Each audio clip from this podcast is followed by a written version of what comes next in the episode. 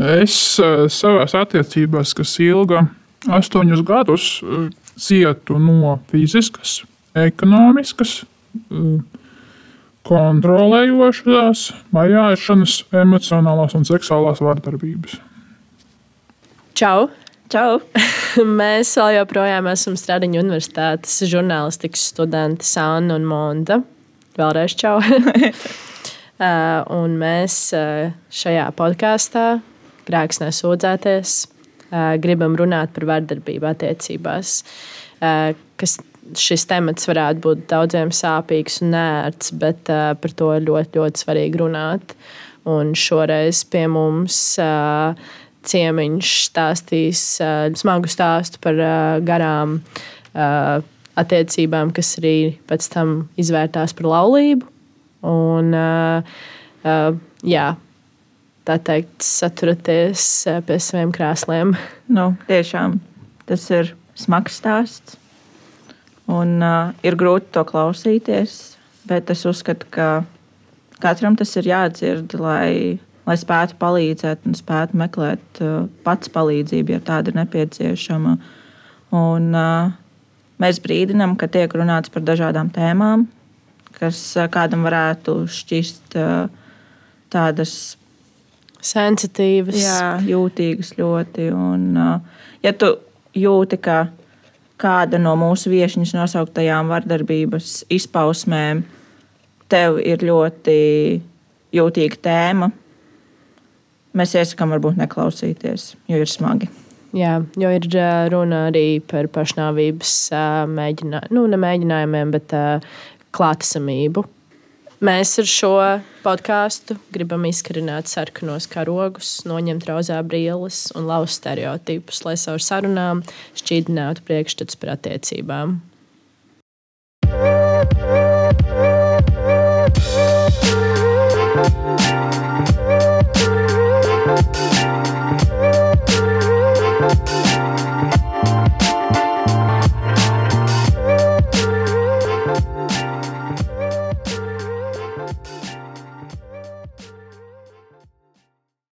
Mēs iepazināmies tā, nu, sadzīviski.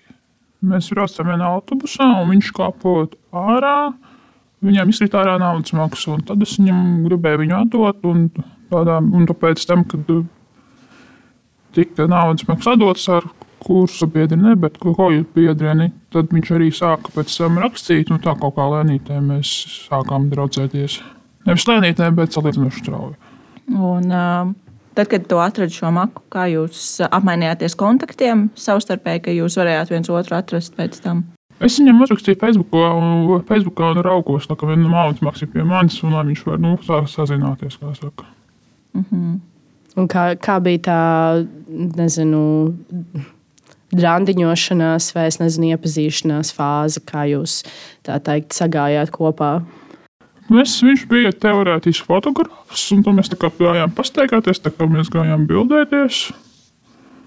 Un tad kaut kā, es pat neatceros, kā mēs kaut kā sākām tikties regulāri. Un, uh, jūs nolēmāt uh, abejādi, ka jūs nu, no abām pusēm, ka jūs uh, kā, gribat tajās attiecībās būt. Mēs nekad īsti, nu, tajā pirmsākumā mēs arī īsti nekad neesam nu, tādus. Nu, Mutiski skaļus to vienošanos arī neesam izteikuši. Mums vienmēr ir bijuši kaut kādi beznosacījumi. Nu, beznosacījumi, nu, neizrunājoši, klusējoši piekrišanas, kā saka. Un kāds bija tas pirmais, nu, pirmais attiecību periods? Nu, jāsaka, to, ka pirms, tā, pirms tam tās attiecību pieredzes bija ļoti maz. Protams, ir tā pirmais, kas tev ir uzmanība, tas, ka kāds interesējās Es laikam, jā, es liku virsū arī esošo tādu pārdomu filtru, kas ir nācis virsū, ka, ka viņš arī uzstājas to komunikāciju ļoti daudz. Ka, teiksim, īziņas, jau tajā laikā vēl bija īziņas daudz un dikti. Un tas bija tāds, nu, ka tev nebija laiks arī padomāt, kā ir bez. Viņš ienāca dzīvē, un tā arī tas viss turpinājās. Mm -hmm. Un kas bija tie pirmie kaut kādi, precīzāk sakot, kāds bija tas rozā brīļu periods, ja tā varētu teikt? Vai tāds bija? Kas tev ievilka šajās attiecībās? Es domāju, ka ievilka pienākuma apziņa, pienākuma apziņa kas nāca no kristietības puses. Ka tā atbildība, ja tu kādu pieradini, tad tu ar viņas kopā. Saka, attiecības uz mūžu, ja, lai, nu, ja viņas ir, tad viņas, diemžēl, pie viņām ir jāstrādā. Bet es uzskatu, ka šobrīd, nu, palielinām tēls pie viņām nevajag strādāt. Tas nav smags darbs. Ja tas ir smags darbs, nu, tad labāk ir iet katram uz savu pusi. Mm -hmm. Un, kad uh, sākās kaut kā, kā, kā, kāds bija tas, uh, nezinu, posms, kad tu pamanīji, ka kaut kas nav labi, vai um, kad kaut kas mainījās, vai kas bija kaut kādi tie pirmie, kā saka, sarkanie karogi, ko tu ieraudzīji? Nu, pirmie sarkanie karogi bija visu pirms. Bet uh, praktiski kaut kāda pamanīšana īstenībā praktiski no pirmajiem karogiem bija savi pieci gadi pēc tam īstenībā. Es domāju, kad es sāku manīt, ka kaut kas nav ritīgi. Nu, praktiski tagad sāku aizdomāties, ka tas ir pirmās, pirmās roku palaišanas pēc būtības. Bet tas praktiski jā, tas ir pieci gadi pēc pirmajiem sarkaniem karogiem reāli. Un kas bija tie pirmie paši sarkanie karogi? Nu, nu, pirmā īstenībā, pats pats pirmais īstenībā ir apģērba kontrole, kas bija, kas ir jāvelk mugurā, kas nav jāvelk mugurā. Kaut kādi tādi strīdi, kas ir savā ziņā nu, bezjēdzīgi un uz rīņķi, ka viņam ir tikai taisnība un viņam, viņš arī saka pirmās promiešanas parādīties. Viņš vienkārši aizgāja un, protams, es eju pakaļ. Un tā tas arī turpinājās daudzas reizes. Varbūt atcerēties kaut kādu konkrētu atgadījumu par, piemēram, kad viņš tā lika, norādīja, ko tev ir jāvelk, vai kad viņš kādu saka, gāja projām, vai, vai varbūt atcerēties kādu konkrētu gadījumu. Pirmā promiešana bija tad, kad viņš nu, no viņa mēs bijām nu, pašā pirmsākumā kopā. Tur bija par kaut ko strīds. Viņš vienkārši aizgāja projām, un tas tā bija viņa māja. Pie viņa vecākiem. Un tad es gāju pakaļ pēc būtības. Tas bija pirmie. Bet tas jau bija īsie perioди. Beigās beig pat, nu, tas, ka tie, kas bija pēdējie, tas jau bija tas variants, ka viņš vienkārši aizgāja. Izkāpa no mašīnas, aizgāja savā virzienā, un tad meklē pusvakar, kur viņš ir. Viņš aizgāja projām, jo viņš negribēja ar tevi vairs diskutēt par tām lietām, vai, vai kādi bija tie viņa iemesli dotie? Um, ja skatos atpakaļ, tad bija tas, ka viņš bija aizvainots par kaut ko, ka kaut kas ir pārāk ātri izdarīts, pārāk strauji, pārāk kaut kas ne tāds izdarīts, ka viņam ir pārāk maz uzmanības pievērsts. Jā, tad viņš aizgāja ar testu, tekstu. Es aizēju, bet es nezinu, vai es atgriezīšos, un ja kas tad būs vainīgs. Un, kā tas bija tajā pašā sākumā? Respektīvi, jūs dzīvojāt vienā vietā, ka viņš tā spēja brīvi iet kā, un pateikt tādus vārdus un aiziet, vai tā kā tu biji ciemos pie viņa? Pirmais gadījums bija ciemos, bet pārējie ir bijuši kaut kur. Mēs nu, vai nu esam pie doktoriem bijuši projām, vai teiksim, ar draugu. Kopā mēs esam kaut kur braukuši, un tad kaut kā pirms krustojuma viņš ir izlaists ārā. Nu, tāds variants viņš ir darījis. Un kā tas vispār veidojās, tās jūsu sākuma attiecības pēc tam, kad jūs bijāt jau sazinājušies tur draugos, Facebookā, īsiņās?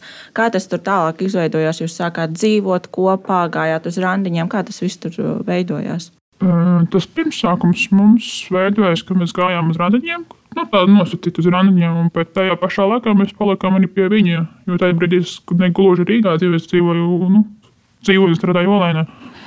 Un tad kaut kā tad es mainīju, sāku vēl vienreiz studēt esošo profesiju, un tad sanāca, tad es nu, pirmie gadu nostudēju, un nākamais atradu jau darbu, domāju par finanšu lietām savām, es nevaru vairs iztikt. Un tad es sāku, mēs sākām dzīvot kopā. Nu, tā kā variants. Un, kā tā dzīvošana kopā ietekmēja tās jūsu attiecības? Jo bieži vien ir tā, ja pāris sāk dzīvot kopā, tad ir kaut kāds pēkšņs pavērsiens attiecībās uz labo vai slikto pusi. Kā bija ar jums? Nu, ja es skatos, tad tāds pēkšņi pagrieziens uz slikto pusi nebija. tā kā nu, normāli, loģiski turpinājās. Kaut kā pavērst varbūt tālāk to stāstu. Pastāsti vienkārši no sevis, kā, uh, kā tu jūties, kā tu tam gāji cauri, uh, kā tas palika progresīvi sliktāk vai, vai kā. Nu, bija tāds, uh, nu, mēs sākām dzīvot kopā, bija viss, viss, viss bija kārtībā, bet uh, konkrēti nesaukšu, bet viņš sataisīja ziepes. Viņam bija krimināla process. Un, protams, bija pirms izmeklēšanā viņš bija zināmā laika cietumā. Un tajā laikā es sapratu, nu, tā pieķeršanās izveidojās ļoti daudz. Un es saku, skatoties, tas bija tas vienīgais laiks, kad es arī varu teikt, ka es viņu arī patiesi mīlēju. Un tā visa ietekmē, tad, kad viņš iznāca ārā, tad mēs sākām gatavoties kāzām. Tātad pirms viņš bija cietumā, jūs bijāt sadarinājuši? Nē, ne? pēc tam. Uh -huh. pēc tam. Tu arī savā tajā ēpastā, ko man atsūtīja, minēja, ka bija arī seksuāla vardarbība pret tevi. Tas varbūt paturpināšu iepriekš, un tad kaut kā es aiziešu līdz tam. Vienkārši tā nav nepār, pārtraukts. Un tad bija gatavošanās kāzām. Un tajā periodā, ko daudz arī nerunā, ka, teiksim, ka, ka, ka bija viena reize, kad nu, es negribēju, un viņš gribēja.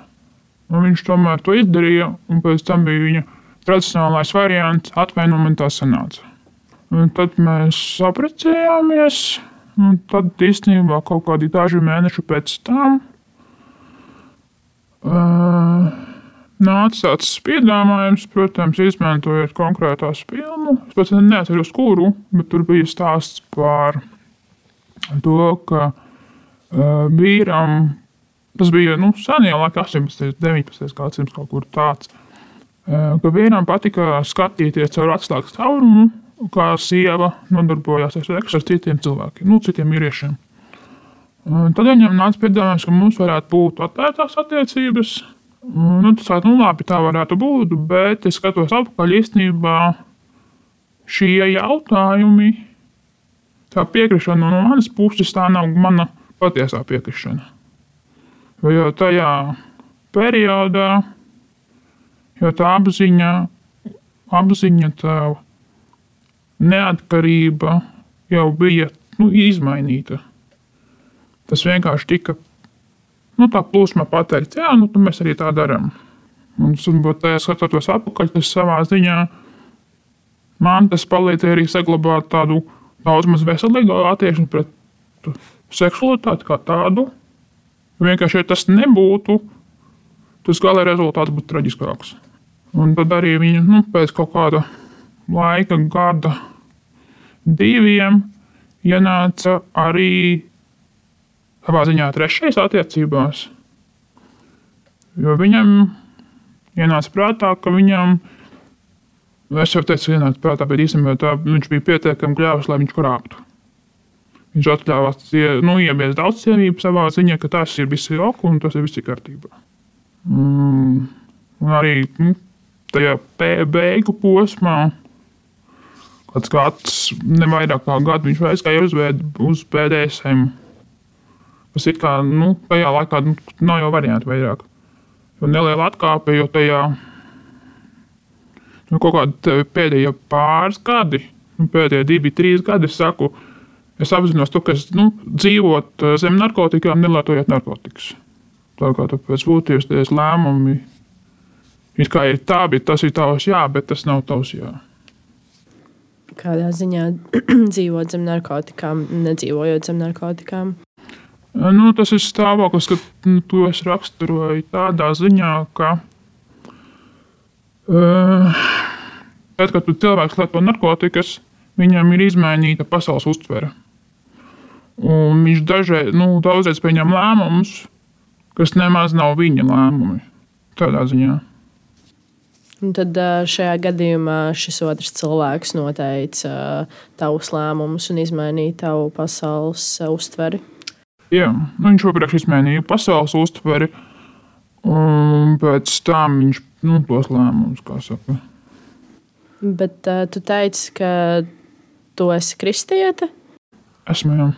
Uh, vai tev neradās kaut kādi, kā lai saka, um, nu, ka tu ej pretrunās ar kaut ko, uh, kam tu, pēc, kam, pēc kā tu dzīvo? Tas bija pirms sākumos. Tas ir pirms atvērtām, nu, ap to lēmumu. Bet es vairs neatceros, kā viņš pamatoja to, ka tas ir, tas ir, nu, tas ir ok, saka, tas ir pieņemami un tā tas ir vajadzīgs. Jo no viņa puses viņš nebija kristietis. Viņš bija, nu, viņš it kā ir kristietis, bet es saku, nu, tāds, nu, ne, ne, neiesim medīt, cik daudz ir vai nav, kā saka. Jo vienkārši ir tā, ka, nu, manuprāt, ja attiecībās abi ir kristieši, tad pastāv cita vērtību sistēma, un tās attiecības savādākas. Tāpēc es tā vienkārši prasīju, jo, nu, lai izprastu, kāds tas stāvoklis jums tur bija arī ar tām vērtībām.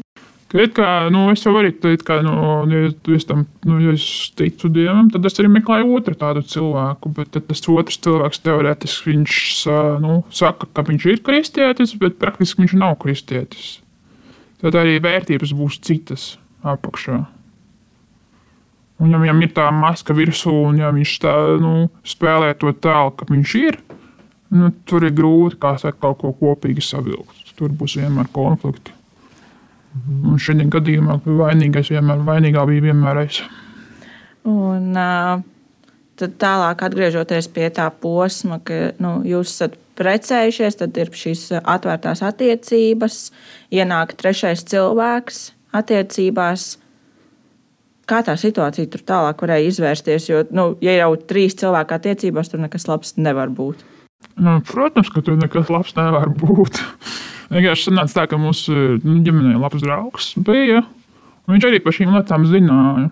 Un tā meitene, kas nu, tā pēdējā, nu, viņa arī, nu, viņa, protams, viņa arī aizgāja uz vardarbību spēlēs. Tur, tur nav variantu. Ja viens ir, nu, ja cilvēks neārstējas, tad viņš ir vardarbīgs pret visiem saviem partneriem.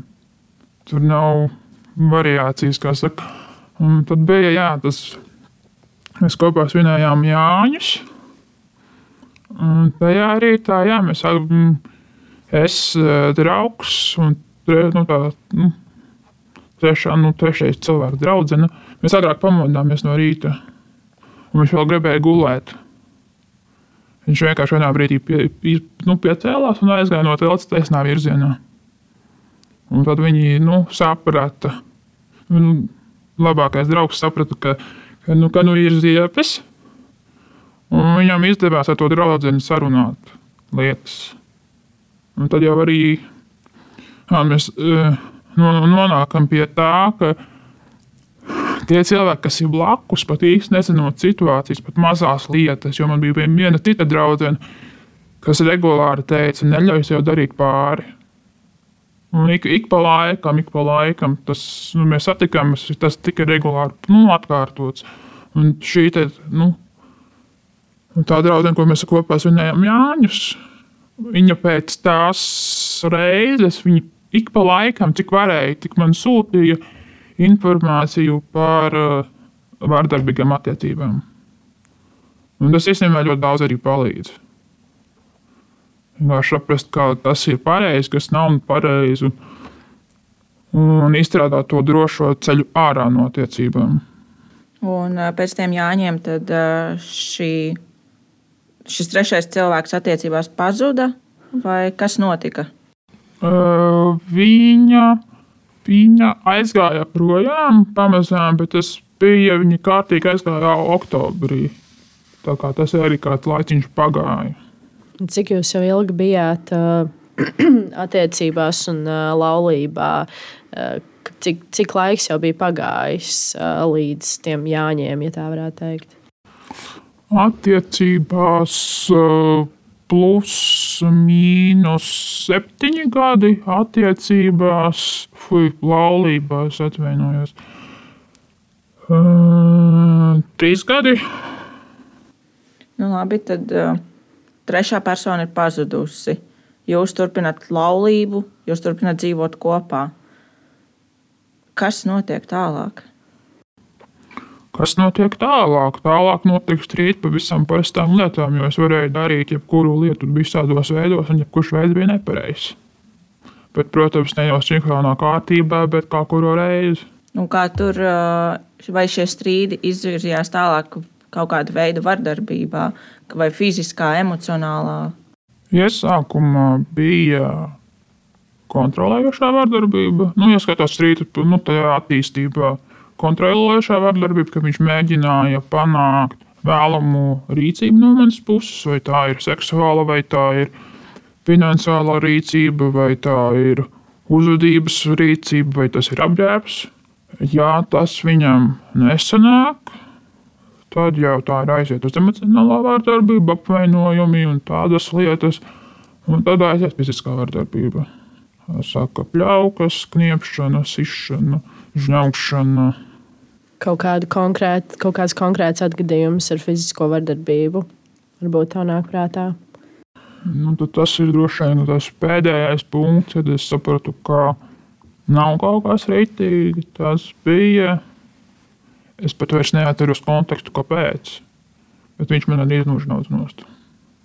Un es atceros arī tādas lietas, ka, teiksim, nu, bija klapas no rīta. Žēl man galva sita pret sienu. Tāpēc, ka tu klapoji? Tāpēc, ka es klapoju, jā. Un neļauj viņam gulēt? Laikam, jā. Tas izklausās ļoti, nu, ļoti necilvēcīgi. Tik ļoti pretīgi, atļaušos teikt. Tā, diemžēl, ir, bet, diemžēl, mums, es domāju, ka tā ir arī es, nu, to tajā brīdī daudzām, daudziem cilvēkiem tā ir realitāte. Varbūt tu vari aizpildīt kaut kādas tukšās vietas stāstā par finansiālo vardarbību arī. Finansiālo tur ir daudz tukšumu vietas. Tas ir jā, nu, tā ir lieta, ka viņš, nu, viņš praktiski arī no sākotnēji viņš pastrādāja kādu laiku, lai tas sajūta, ka viņš tomēr strādā un rūpējās. Tad viņš arī pēc cietuma skatu pēc, es saku, pastrādāja celtniecībā gadu, bet tad viņam sākās veselības problēmas, tad viņš atkal Es atļaušos teikt, tomēr tā, ka viņš paliek atkal nabadzīgs, kurš nevar strādāt. Tad nu, praktiski palieku nu, tāds stabils pelnītājs attiecības vienmēr bijusi, bijusi es. Bet neskatoties uz to, viņš atļāvās pieprasīt konkrētas lietas, kas ir jāpērk, nav jāpērk, kas ir vajadzīgs un kas nav vajadzīgs. Un, nu, jā, tur beigās aizgāja tas variants, ka jā, 19. gadā es praktiski zināju visu atveres kredītus no galvas. Un tā brīdī, jā, vēl bišķi, bišķi palicis, ir maksātnespējas process, vienkārši, lai to visu var atrisināt.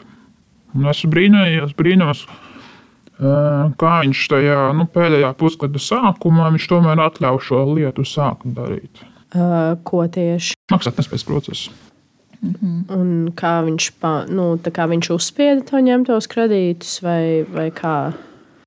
Nu, tur sanāca tā, ka viņš izdomāja, ka kaut ko vajag Un tad tu vienkārši zini, ja tev, tev ir fonā bijusi nu, emocionālā, kontrolējošā vardarbība, fiziskā vardarbība. Un es īstenībā pēc būtības tās lietas viņam centos apmierināt, jo es gāju to, lai mājās būtu miers. Bet miers nekad mājās nebija. Vienmēr atrada jaunas lietas, kuru, kuras bija ne tā, kā vajag. Nu, piemēram, kaut kāda konkrēta lieta, ko viņš lika iegādāties, un tev vajadzēja paņemt kredītu, kas tā, piemēram, bija par lietu. Tās ir automašīnas, teiksim, kuras tika pamatotas tev teorētiski tas ir vajadzīgs, jo tev būs īsāks ceļš uz darbu, un tev Rīgas satiksme tomēr krīt uz nerviem. Tā kā ielika vārdus tavā mutē. Jā. Nu, man dūjā, paņēma manas vārdus, izmantoja kā pamatojumu. Un tā pašai tā mašīna bija vajadzīga? Uh, praktiski īsti tā kā nē, bet tajā pašā laikā es apzinos, ka tas ir nu, tomēr ērtāk. Ir. Mm -hmm. Bet tādas uh, lielas vajadzības tev nebija tā kā pēc tās mašīnas, tik liels, kā viņš to norādīja. Jā. Kaut kādas citas vēl mantas. Mm, telefoni kaut kādi, kas ir ņemti, fotoaparāti, kas ir bijuši, kas tur vēl ir bijis.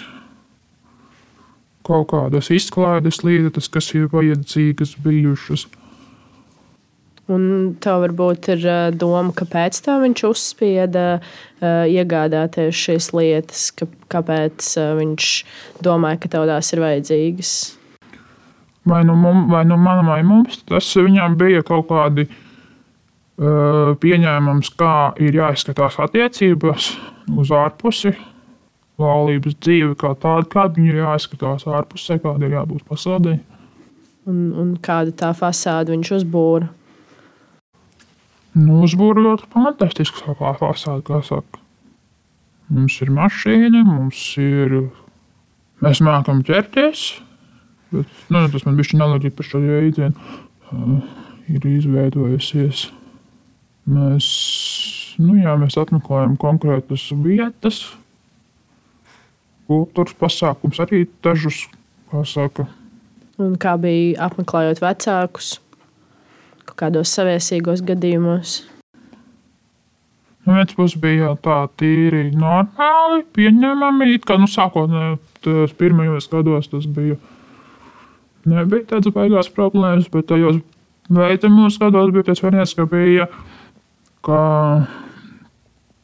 ka, ka, ka jā, bija tas uzstādījums, ka smaidu un priecājies. Jo, jo tev jau man, mana mamma jau interesējās, kas ar tevi notiekās vai nenotiekās. Un to pēdējo es atceros pēdējo māmiņu dienu, kad mēs nu, devāmies, un viņš bez mazliet uh, pārmeta, ka es to viņam neesmu pateikusi. Tikai tāpēc, ka nu, man tajā gadā, nu, tajā brīdī, kad man bija uz rokām jau trijos kārtos zilumi, par to vienkārši. Pa, pa, pa, Viņš par to tev pārmeta vai, vai kādā ziņā? Nu, viņš man pārmeta par to, ka es viņam neesmu pateikusi, ka mēs, ka mēs dosimies pie viņas mam, viņa mammas. Un viņš tajā brīdī man pārmeta tikai tāpēc, ka viņš pats ir izdarījis kaut ko. Ko nevar tik viegli noslēpt. Nu, jā, nu, karās rokas, saka, tās jau viss labi. Mm.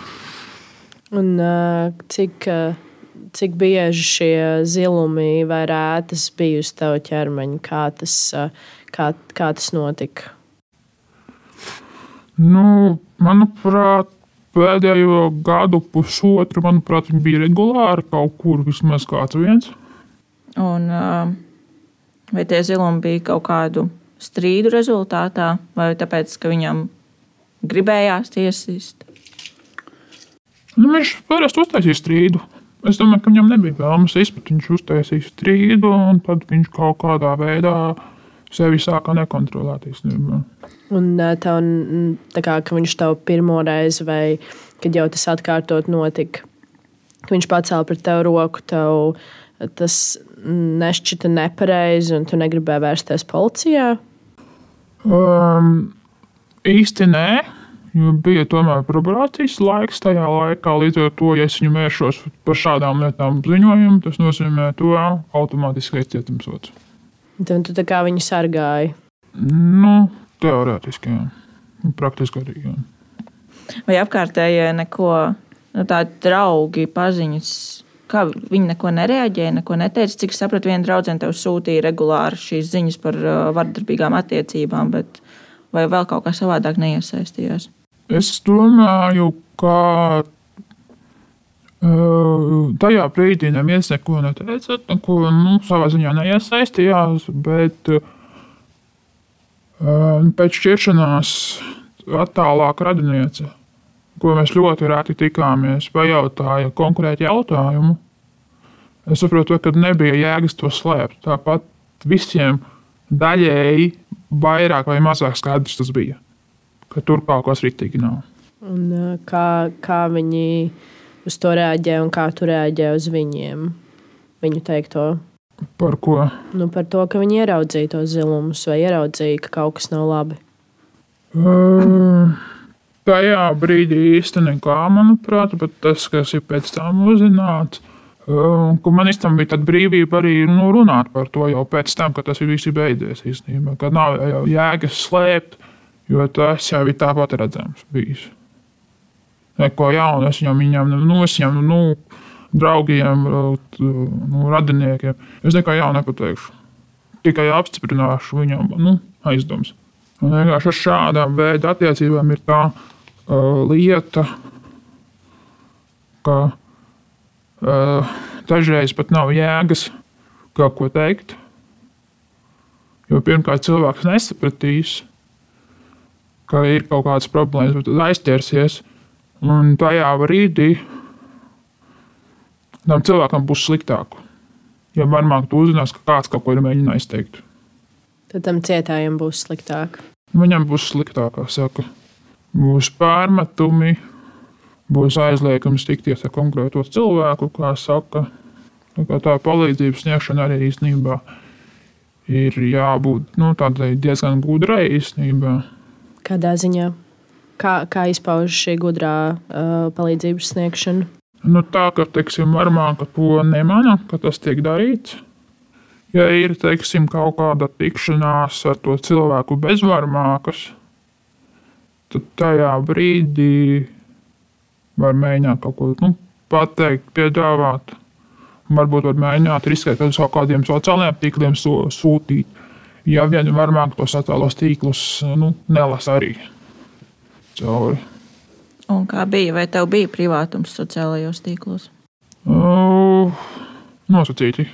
Tā kā viņam bija pieeja visam? Viņam nebija pieeja, bet viņam bija kaut kādā veidā Instagramam pieeja. Man tas šķiet, ka Whatsappā nebija, Facebookā nebija. Bet tāpat telefons jau ir ieslēgts visu laiku, un paziņojumi jau nāk. Tā kā es saku, labāk varbūt šādas lietas sūtīt uz e-pastiem. Jā, manuprāt, mūsdienās tas ir tāds, kur tiešām neviens neiedomāsies, ka kaut kas, ka kāda paziņa varētu sūtīt kaut ko tādu. Ēpastos? Jā. Vienkārši e-pastā bieži vien telefonā mēs noņemam nu, nu, paziņojumus. Mm -hmm.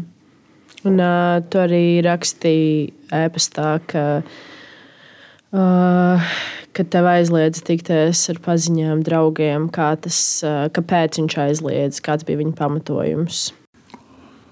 Uh, viņa pamatojums bija. Viņš jau it kā neaizliedz tikties. Viņš radīja iemeslu, kāpēc man negribētos tikties.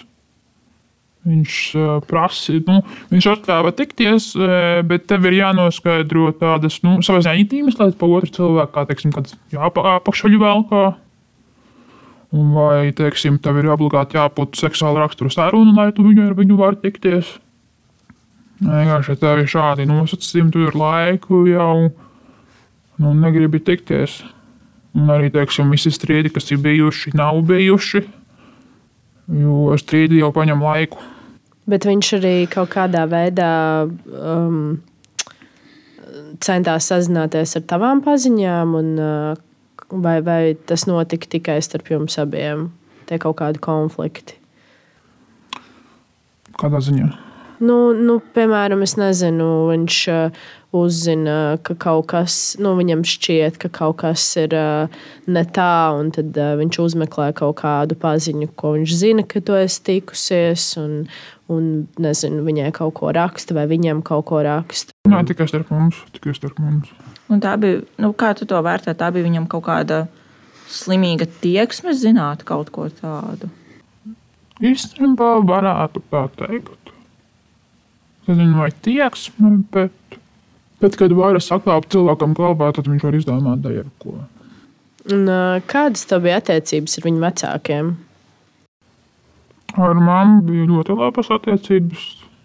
Ar tām viņam pašam bija problemātiski attiecības. Mums gan arī nebija attiecības. Nu, Viņa bija šķirta ģimene. Šķirta ģimene. Nu, man liekas, mēs jau esam vairāk kārt pārliecinājušās jau podkāstu epizodēs iepriekšējās, ka, ja cilvēks nāk no šķirtas ģimenes, un ja vēl tur ir bijušas sliktas attiecības ar kādu no vecākiem, tad visbiežāk tā var izvērsties par varmācību savā attiecībās. Mm. Es domāju, ka man ir tāds teiciens, ka vardarbība rāda vardarbību. Jā. Jo, nu, Ja tu esi piedzīvojis vardarbību, tad tev ir divas iespējas, nu, trīs iespējas pēc būtības. Vai nu tu pats kļūsi par varmāku, vai tu kļūsi par upuri, vai tu tomēr kaut kādā veidā izārstējies. Tur nav variantu, kas saka. Un kādas tās attiecības bija starp to tēvu un māti? Viņa? Vai viņi vispār komunicēja vai nekomunicēja, vai ko tu varbūt zini par to viņa bērnību vai kā? Uh, viņu, viņu, viņu, uh, uh, viņu vecāki tajā brīdī nekomunicēja kopā. Un viņa, viņa tā bērnība saprata, ka bija diezgan smaga pēc būtības, jo viņš nepiepildīja tēva gaidas, kādam ir jābūt dēlam. Cik es saprotu, ka ir bijusi emocionāla fiziska vardarbība. No tēva puses? Uh, runās tiek par tēvu, no tēva puses vardarbības, bet es pieļauju, ka tur varētu būt arī no mātes puses kaut kas. Vai tur ir jautājums, kāpēc no mātes puses? Vai tas ir zināms, zinām atbild uz šo jautājumu? Man nav. Man nav. Tas ir tikai pieņēmums, kā saka. Tu arī e-pastā biji rakstījusi, ka, ka bija brīži, kuros tu uzskatīji, ka ir vieglāk beigt visu, teiksim tā, beigt uh, savu dzīvi, nekā turpināt ar viņu attiecības. Jā, tad ir interesanti, ko es esmu rakstījis par to. Nu, turbūt tas bija tīri, tīri konkrēti kaut kāds viens no tiem fragmentiem par uh, jūsu braucienu mašīnā. Jā, es esmu arī tā nojauta, par ko tu runā. Jā.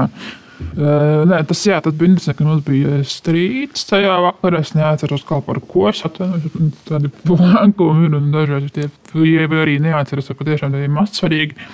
Es tajā naktī no viņam teicu, ka mēs brauksim mājās. Es izdarīju, no es iebraukšu krāvī reāli.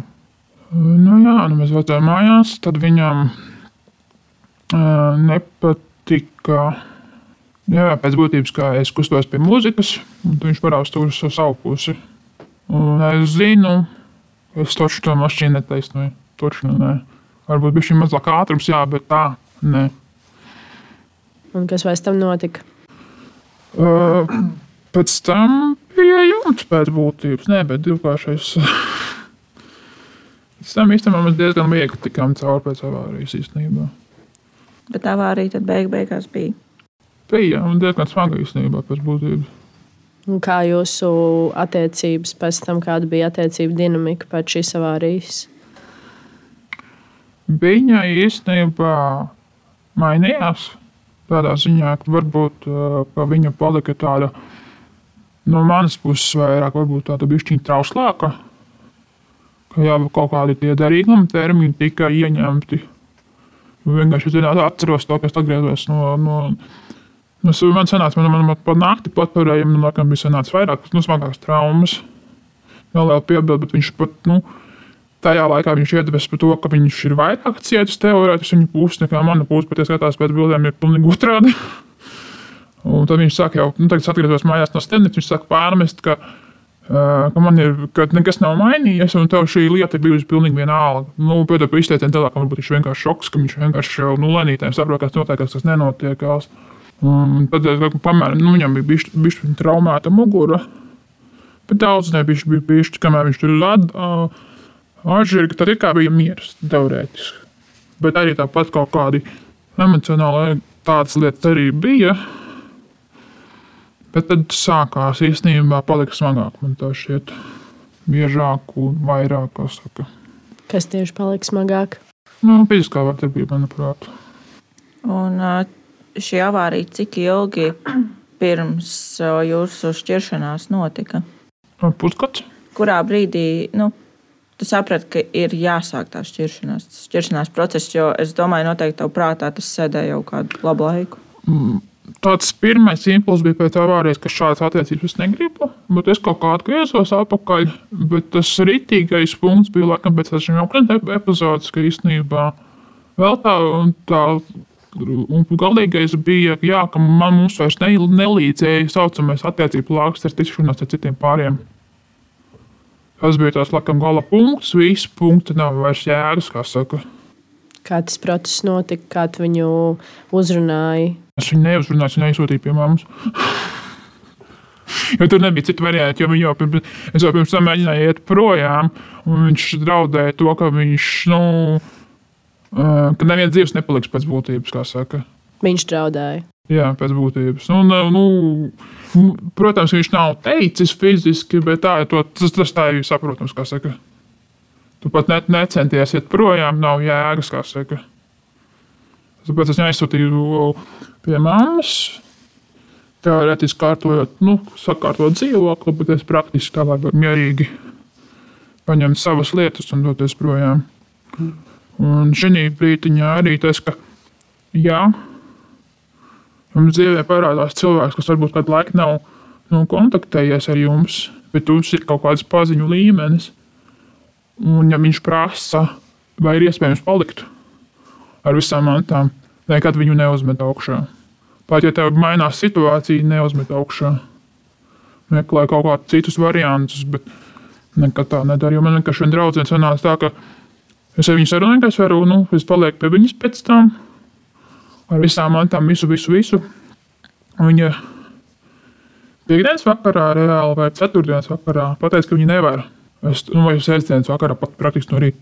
Es tādu pļāviens, ko man tagad darīt? Labi, ka bija otra draudzene, kas ir nu, tuvāk, tagad ir izveidojusies, kur nu, palīdzēja mantas aizvest.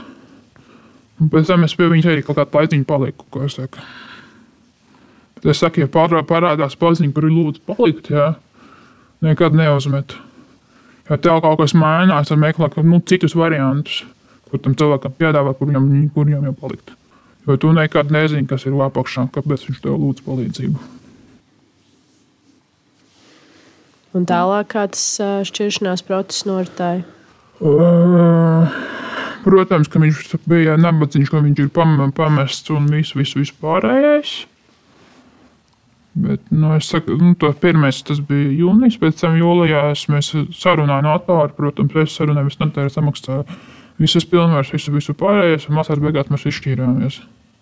Es kā nosacītīju mierīgi, bez problēmām, Bet tajās reizēs, kad mēs tikāmies pie notāra vēl atdot vecā dzīvokļa atslēgas kopā ar labāko ģimenes draugu, viņš vienalga mēģināja turpināt tālāk attiecības pēc būtības, ka it kā nekas nav noticis.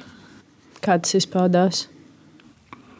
Um, tas, ka pēc šķiršanās viņš autobusā kāpot ārā noskustīja īstenībā. Tas īstenībā, nu, mēs jau neesam kopā pusotru mēnešu. Un arī tad, kad bija nu, tās atslēgas atdošana, kad viņš mēs sākām uh, strīdēties atkal par kaut kādām lietām, viņš nāca lūgt atdošanu, atvainoties. Mēs sākām strīdēties, un viņš sāka rakstīt par to, ka labākais draugs skatās tas tur. Es saku, nu, vienalga, kāda starpība.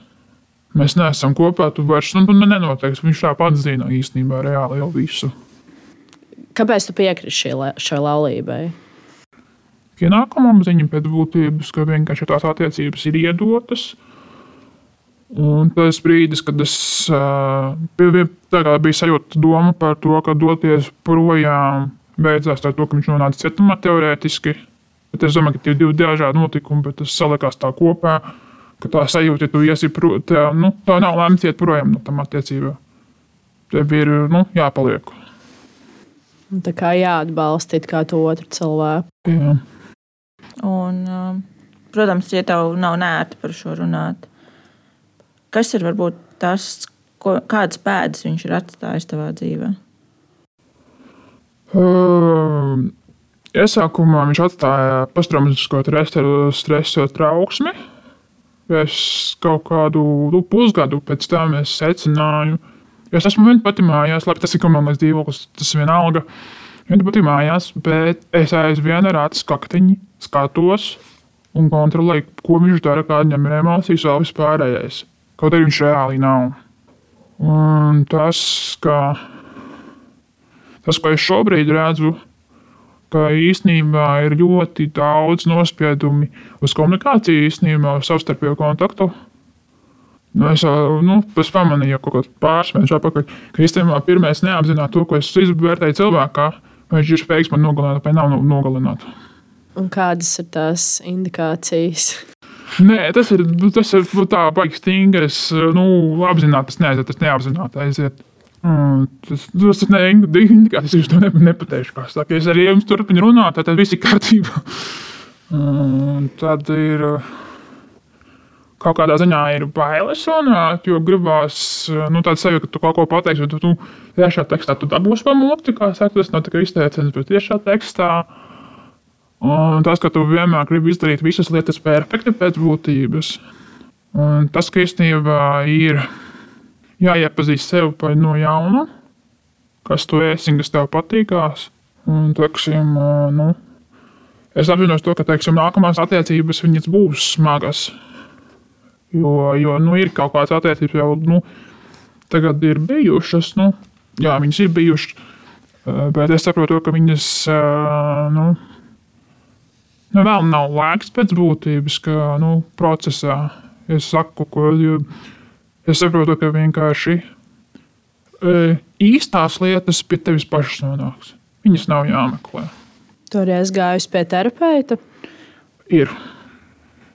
Viņš ir pilnīgi nesaistīta lieta, bet es īstenībā ļoti daudz iedevu. Tas, ka darbs nav tikai darbs, ka darbs ir arī attiecības. Terapeits vienkārši paņēma nu, caur darbu lietām. Un, manuprāt, tas arī daudzas lietas atrisināja.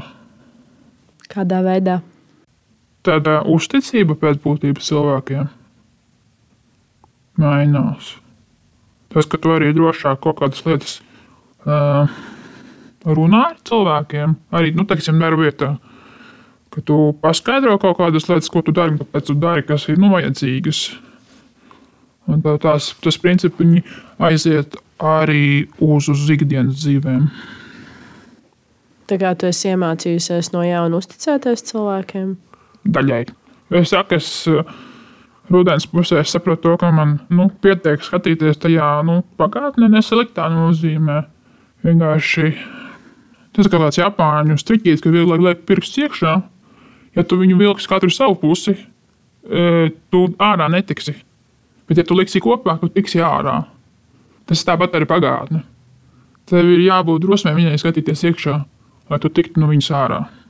Man tas prasīja kaut kādus pāris gadus, kamēr nu, tiem slāniešiem iziet cauri, kas ir jāpaņem līdzi, kas ir jāsaprot. Un es nu, rudenī sanāca, sapratu, ka nu, pietiekās.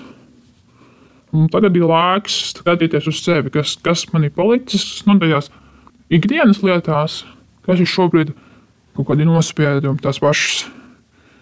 Tās ir bailes kļūdīties pēc būtības, kaut kādās lietās pasakot, izdarot un šādā veidā.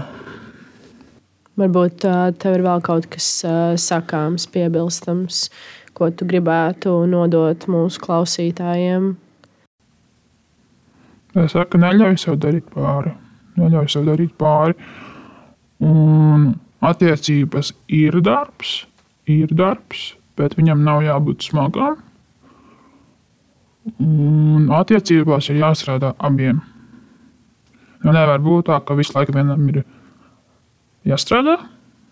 Es nerunāju par fizikas darbu, bet par, par, par emocionālām, psiholoģiskām lietām.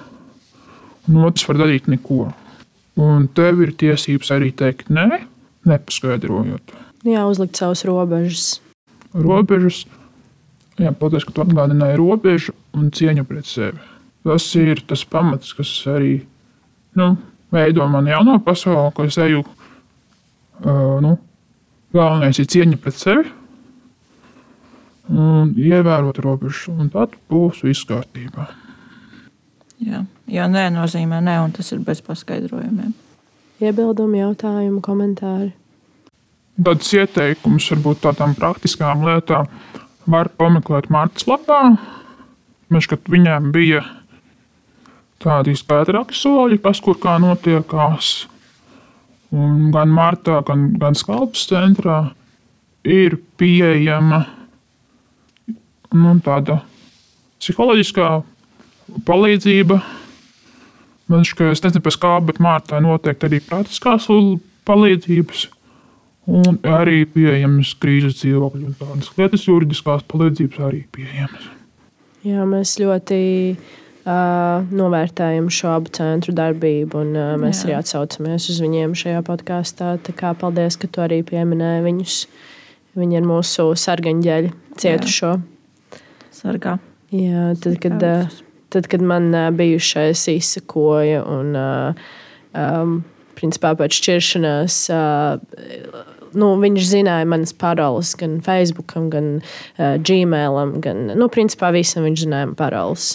Viņš man izsakoja, lasīja manus ēpastus, uh, uh, skatījās, ar kādiem džekiem es satiekos, sūtīja man screenshotus un uh, terorizēja mani. Tad uh, es arī gribēju uh, martā vērsties, bet uh, viņiem darba laiks bija beidzies.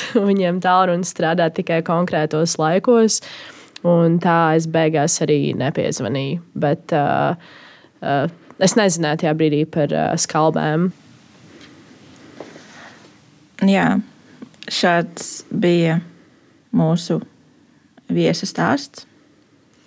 Un, manuprāt, katram ir par ko padomāt. Un, vajag kādu brīdi, lai pasēdētu un aptvertu to, ko tikko dzirdēja. Bet, manuprāt, ir tik ļoti vērtīgi, ka cilvēks nāk, runā par to un neslēpj to, ka tā ir problēma mūsdienās.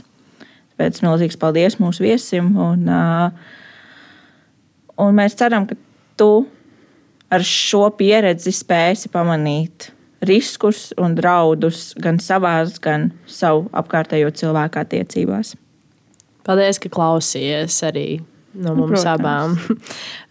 Un tieši tāpēc, kā mūsu viesis, arī es atgādināšu, ka palīdzību var meklēt gan policijā, noteikti, ja tas ir ekstrēms gadījums, gan centrā Mārta un Krīžu centrā Skalbas. Un, ja runā par atsaukšanos uz kādu filmu vai grāmatu, tad šoreiz mēs atsauksimies uz filmu Šī sēde, kas ir pagājušā gadā tapusi biogrāfiskā drāma pēc tāda paša nosaukuma romāna. Principā tas ir patiesa stāsts par divām žurnālistēm New York Times, kur viņas izmeklēja filmu producenta Harvey Weinstein, Weinstein seksuālā vardarbība pret sievietēm. Viņš, jā, kā jau teicu, ir filmu producents Amerikā, un uh, viņš uh, ir uh, seksuāli vardarbīgi attiecies un, uh, un izmantojis uh, savas potenciālās darbinieces. Uh, šīs sievietes domāja, nu, tā kā employees, Eh, šīs sievietes domāja, ka viņas nāk uz um, darba interviju vai uz kaut kādu uh, darba uh, mītingu. Uh, bet patiesībā tas viss izvērtās citādāk. Un, jā, tā, šī filma ir par uh, šīm žurnālistēm, kuras uh, par šo ļoti aktīvi problēmu gribēja runāt un arī runāja. Un šī grāmata uh, iznāca 2019. gadā. Uh, un uh, tā spēcīgi turpināja un kultivēja mītū kustību. Un šī kustība ir tieši par uh, vīriešu seksuālu um, vardarbību pret sievietēm. Tā kā, jā, noteikti mēs iesakām šo filmu noskatīties. Uh, un uh, nobeigumam, uz mazliet pozitīvākas notis, uh, es vēlos, kā katru reizi, novēlēt Izdari šodien kaut ko prātīgu un labestīgu, kaut ko tādu, kas citiem cilvēkiem liek pasmēdīt un sasildīt sirdi. Tiekamies Čau. nākamreiz. Tā.